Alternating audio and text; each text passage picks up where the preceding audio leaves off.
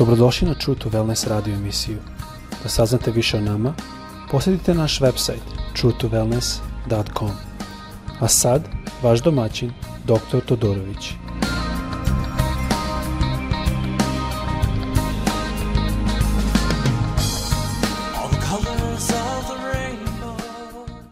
Dobar dan i dobrodošli na naš podcast. Pozdravljam vas, nadam se da ste dobro, da se nalazite u Hristu i da ste ojačani. A kao što znate, moj srpski je slab, jer sam odrastao u Kanadi. Engleski mi je puno a, lakši, ali a, zato sam bio iznenađen kad je Gospod pokazao da on želi da radim ovaj podcast na srpskom.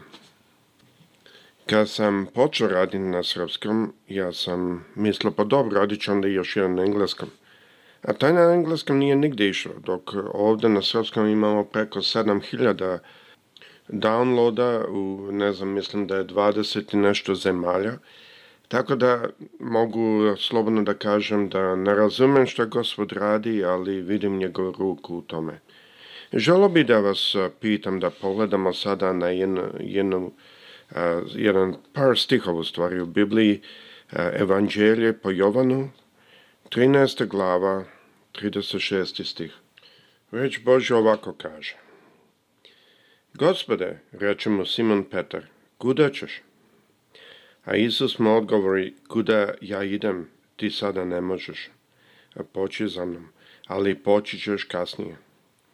Gospode, upita Petar, zašto ne mogu poći za tobom sada? Za tebe ću položiti svoj život.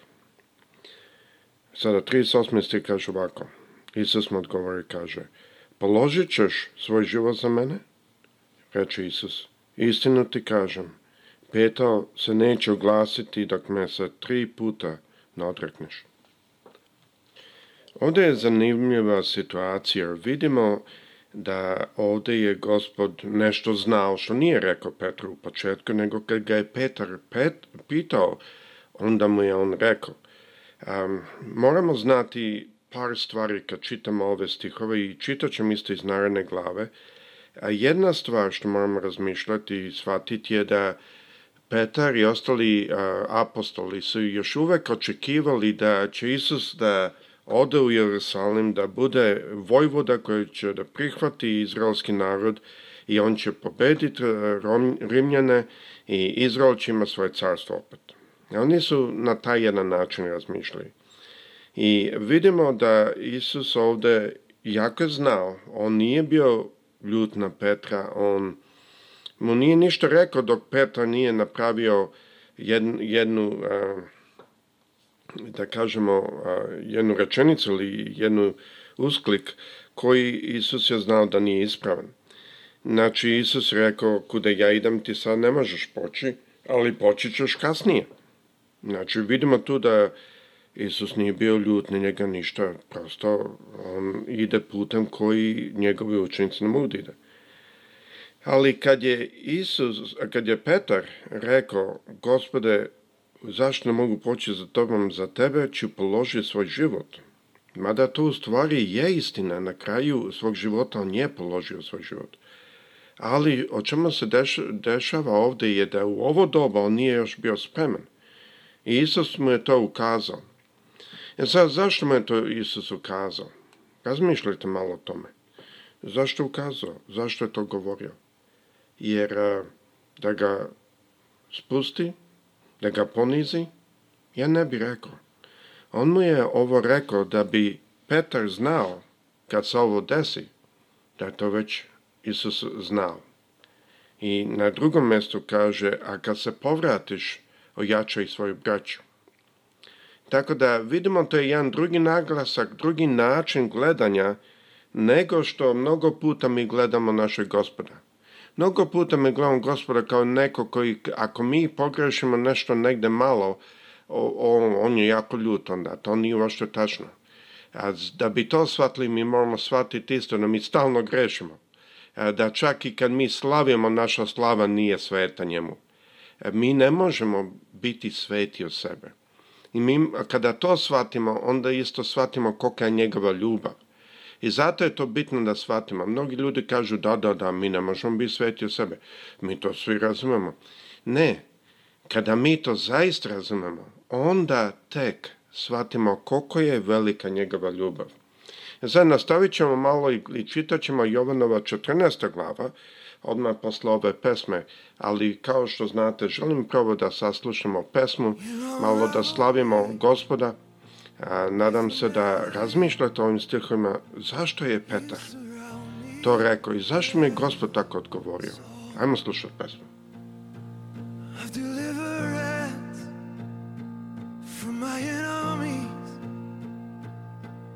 till all my fears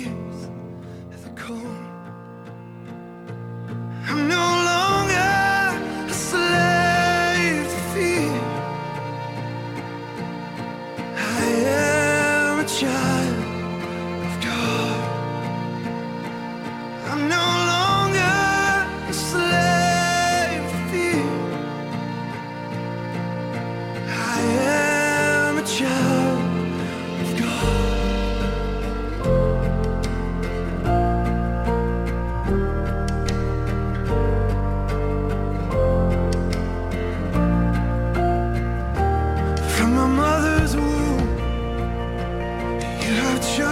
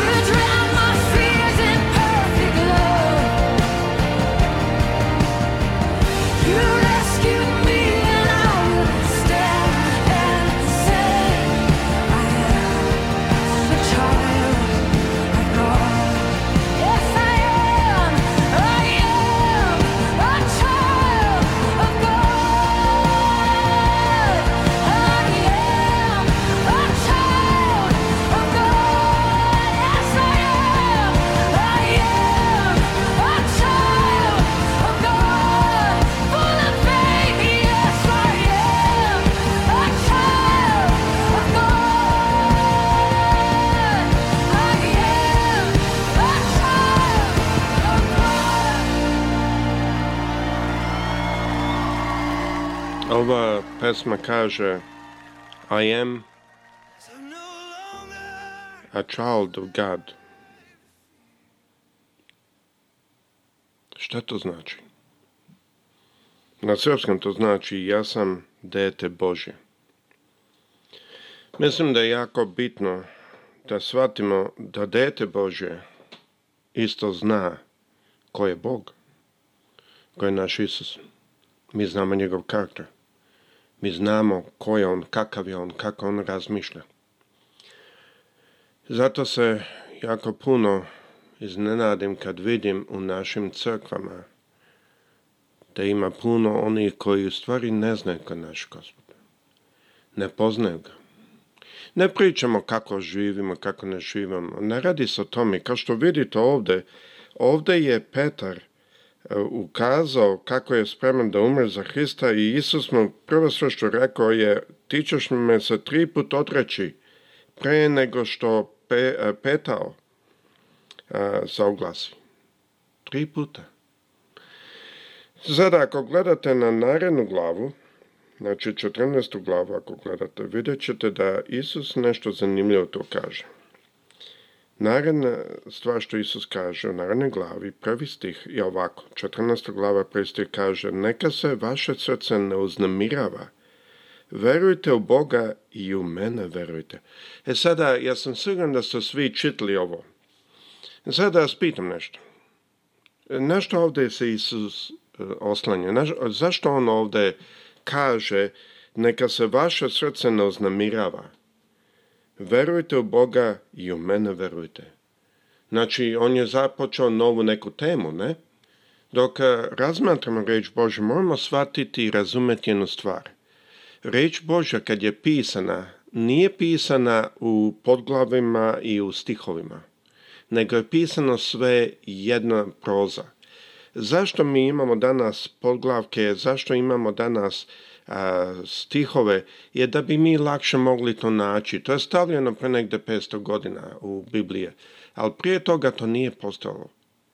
Tako da ako vi čitate originalnu Bibliju, koja je u efektu pismo koje je napisano, ova rečenica što je Isus rekao, neka se vaše srce ne uznamirava, odmah dolazi na kraj onoga što smo čitali ranije – u 38. 38. stih, a e, ranija glava, to je 13. glava, te kažeš, e, Isus, položit ćeš e, svoj život za mene, reče Isus, istinu ti kažem, peton se neću glasiti dok me se tri puta ne odrekneš.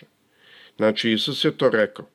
Naredna stvar što Isus govori, jer u stvari mi moramo shvatiti da poglavi, poglavci i stihovi nisu tada poslali literalno naredna stvar što je izašlo iz usta Isusa, kako mi vidimo ovde, je ovo, neka se vaše srce ne uznemirava. E sada, stavimo to u jednom kontekstu. On je rekao Petru, no, ne, ne, nećeš biti spreman da položiš svoj život, nego ćeš tri puta mene se odraći pre nego što peto se oglasi. Ali, neka se vaše srce ne uznemirava. Verujte u Boga i u mene verujte. U kući mog oca ima mnogo stanova. Da nije tako, zar bi, e, bi vam rekao, idem da, da vam pripremim mesto. A kada odem i pripremim vam mesto, doći ću opet i uzeti vas k sebi, da i vi budete tamo gde sam ja. E sada, to je zanimljivo da je to odmah naredna stvar. Zašto Isus to rekao? Ako malo zaboravimo sa te strane da e, stihovi i glave, da to, ako se setimo da je to kasnije pisano, onda ćemo shvatiti da ovdje prvi stih odgovara na, ili nastavlja ono što on rekao Petru. Znači, Isus pazi ovde da Petar ne bude razočaran. Korektirao ga je, zato što ono što je rekao nije bilo tačno. Ali, odmah pazi da nije razočaran, nego rekao neka se vaše srce ne uznemirava. Zašto on to rekao? Ja verujem da je, su Petrove oči odmah pale. Ja verujem da je Petru bilo jako teško. Verujem, možda je i zasuzio. Jer on je znao da Gospod zna najbolje. I on je znao ako je Gospod to rekao, će to biti. Mada on to nije volio da bude. I zato me odmah Isus rekao, neka se vaša srce ne uznemirava. Verujte Boga i mene verujte. E sada, malo ćemo nastaviti kasnije, mislim da a, e, malo je previše da sada pokušam da uđem dalje u ovo, ali zašto kaže verujte Boga i mene verujte? Isus je htio da ohrabri Petra. E, Petar e, sada svaća da neće uspeti, ne kroz njegovu silu, e, svaća da će pasti, e, ali Isus želi da ga ohrabri. Zašto? Da se ne razočara. E sada, mi isto svi, ne samo da smo pali, nego ćemo i pasti u budućnosti. E sada, tu je malo opasno ako mi sada počnemo kazati, pa vidiš, nema veze ako padneš Isus nas ohrabrio, on ohrabrio Petra pre nego što je pao. Da, to je tačno, ali Petar nije namerno, niti je to nešto bilo da on, njega bilo sve briga. Pa, nema veze, ako padnem, padnem, nije bitno. To je opasan san stav. E sada, mnogi ljudi kažu, ne, ne, to nije bilo namerno, nego je slučajno. Well, ako je slučajno neko pogrešio, onda to nije greh. A, e, Moramo paziti da se ne izlačimo. Svaki greh nije slučajan. Svaki greh je nameran. Zato što ako mi nešto slučajno radili ne znajući, onda to nije ni greh.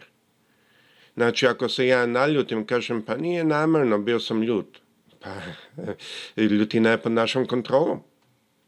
Kako to nije namerno? Pa normalno da je namerno. Ako želimo da, da, da imate potrudu u što govorim, samo razmislite o tome šta se dešava E, na primjer, vi se naljutite kad vam sin nešto kaže ili čerka ili žena možda, e, što nije dobro, e, jer to je naš partner, ali dobro, ako se naljutite kad vam nešto žena kaže i postanete ljuti, razmislite jedno pitanje, Da tu sada stoji policajac i da vam je to policajac rekao, da li bi se vi naljutili na policajca isti način kao što ste na svoju familiju? I vrlo lako da je odgovor ne bi. Zašto? Zato što ipak mi imamo kontrolu. Znači, ne radi se o tome da je to slučajno ili namerno. Namerno je, svaki greh je namjerno.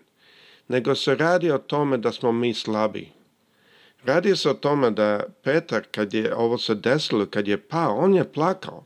Zašto? On je plakao zašto on nije htao da se to desi. Ali u brzini strah je naišao. Kažem opet, to nije bilo slučajno. On se odrekao Isus.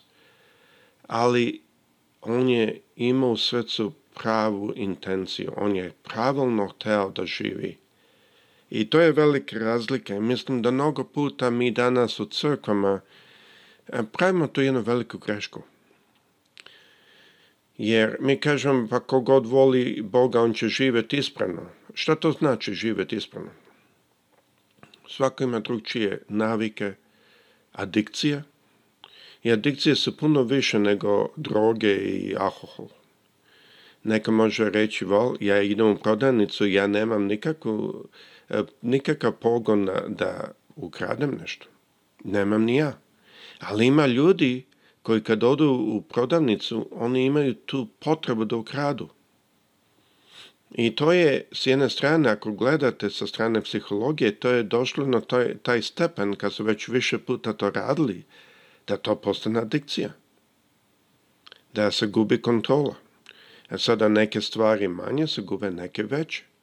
I može da bude adikcija da kažem neko, neku reč koja nije na mesto, Može da bude adikcija način na koji govorimo ili način na koji gledamo ili potrebu da nas drugi hvale ili potrebu da nas drugi podižu. Sve te stvari su neispravne. Tako da vidimo da ne radi se samo o standardnim gresima. Radi se o tome da kad god mi nenamerno ili marujući, da kažem, i ne želim reći nenamerno zato što sa neke strane sve to malo namerno. Ali ako mi volimo da hodamo za Hristom i želimo da živimo ispravno i stalo nam je da živimo ispravno, onda ako pogrešimo, setimo se ovih reči što je Isus ovde rekao. Neka se vaše srce ne uznemirava. Verujete u Boga i u mene verujte. Ovo je jako bitno jer ovde vidimo šta je baza. Šta je baza ovde? Zašto da se nas namirava srce? Zato što verujemo u Boga. Zato. To je jako bitno da shvatimo da ta vera u Boga je nešto što nas podržava. Ta vera u Boga je naša snaga. Ta vera da će Bog tu biti za nas, da će nam pomoći, je ono što nas podiže. I to je jako bitno. To je jedna, mnogi ljudi u crkvi vole da govore što ja zovem hrišaniz, hrišćanski jezik. Hvala Bogu, brate, ovo ono, verujem da će... Mnoge te reči su prazne. Ali jedna stvar mora da bude, a to je mi moramo verovati u našeg Boga i verovati u našeg Hrista jer kad to veremo, onda ova riječ nama pripada. Neka se vaše srce ne uznemirava. Znači, nema mesta za strah. Nema mesta za znamiravanje. Jako Isus zna da ćemo i mi pasti, kao što je on ovde ukazao Petru da će pasti. Ali kaže da se vaše srce ne uznemirava. Zašto? Verujete u Boga i u mene verujete. Glasao sa svima vama. prijatno.